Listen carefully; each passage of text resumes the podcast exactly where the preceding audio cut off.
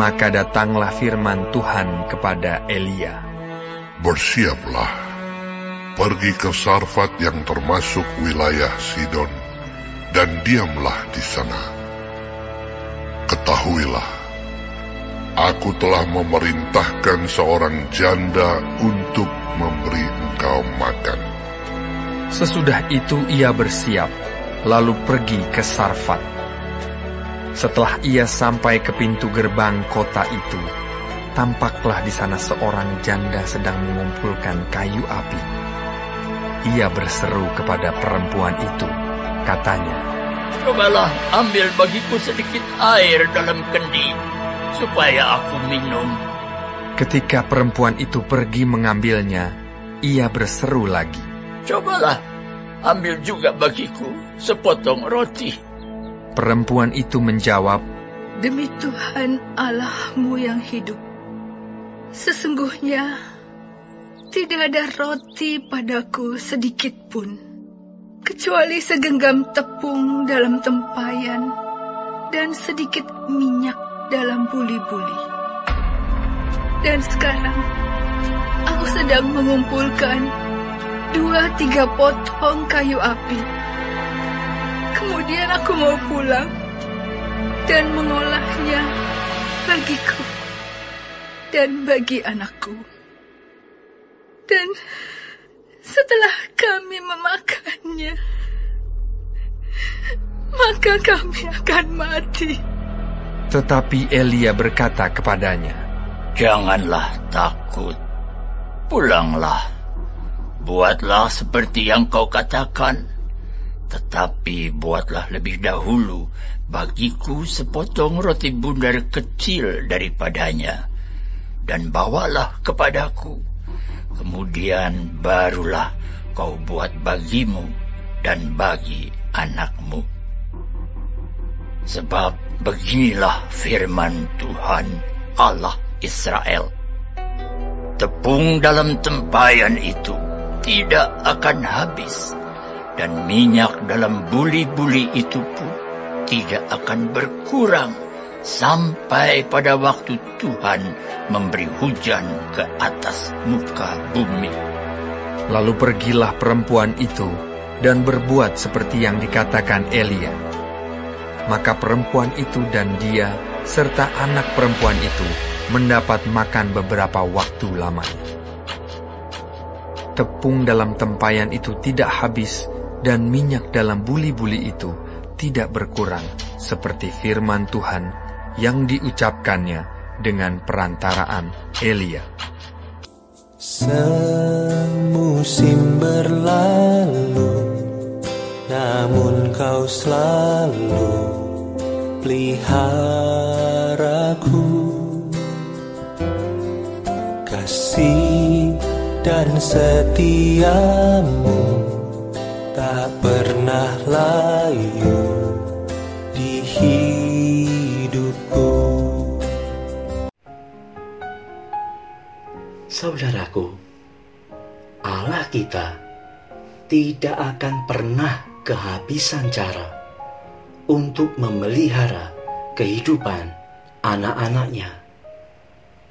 Kisah Elia dan janda miskin di Sarfat mengingatkan kita bahwa Allah sanggup melakukan hal yang mustahil bagi manusia dan tidak pernah terpikirkan oleh pikiran manusia. Janda di Sarfat ini hidup dalam keprihatinan. Selain saat itu terjadi kekeringan yang hebat yang melanda negeri janda ini juga hidup miskin. Ketika berjumpa dengan Nabi Elia, janda itu sedang mengumpulkan kayu bakar untuk mengolah segenggam tepung dan sedikit minyak dalam buli-buli yang dimilikinya untuk menjadi roti bagi janda itu dan anaknya. Itu adalah persediaan terakhirnya, dan ia pun sudah siap untuk mati kelaparan. saat Nabi Elia meminta janda itu menyiapkan roti baginya dari persediaan yang tersisa. Dengan iman, janda itu mentaatinya. Sungguh luar biasa hasilnya. Sungguh menakjubkan. Tepung dalam tempayan itu tidak habis. Dan minyak dalam buli-buli itu tidak berkurang. Hal ini terus terjadi hingga Tuhan kembali mengirimkan hujan seperti yang difirmankannya. Saudaraku, kita telah mendengar kisah nyata bagaimana Tuhan memelihara hidup Nabi Elia dan janda miskin di Sarfat. Mari saudaraku, percayalah juga dengan sungguh-sungguh bahwa Tuhan juga sanggup memelihara hidup kita. Amin. Percaya pemeliharaan Tuhan bukan hanya pada saat berkelimpahan, tetapi ketika Tuhan izinkan kita masuk dalam musim kehidupan yang sulit, bahkan sangat sulit, seperti yang dialami oleh janda miskin tadi.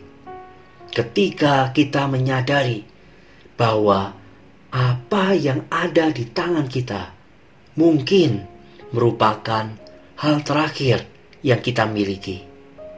Namun, mari tetaplah percaya bahwa Tuhan sanggup memelihara hidup kita. Saudaraku, musim dalam kehidupan kita bisa berganti, tetapi kasih dan setia Tuhan tidak akan berubah untuk selama-lamanya. Oleh karena itu, musim apa pun yang sedang kita alami saat ini, kita boleh mengatakan, "Tuhan, Engkau baik, Engkau sungguh baik dalam hidupku." Mari, saudaraku saat ini dengan penyerahan diri yang total kepada Tuhan. Datanglah kepadanya dan berdoalah. Bapa, ajar aku untuk selalu percaya bahwa Engkau sanggup menjaga dan memelihara hidupku. Mampukanlah aku untuk menjalani pergumulan dan tantangan hidupku ini dengan satu keyakinan bahwa tak terbatas kasihmu dalam hidupku dan sungguh aku bersyukur. Amin. Mari saudaraku, dengan segenap hatimu, nyanyikanlah pujian ini. Semusim berlalu kau selalu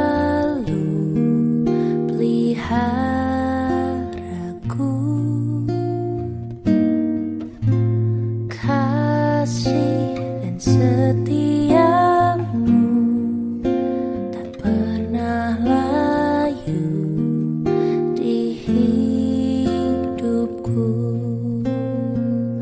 Lebih luas dari samudra Kebaikanmu Bapa takkan habis di hidupku tinggi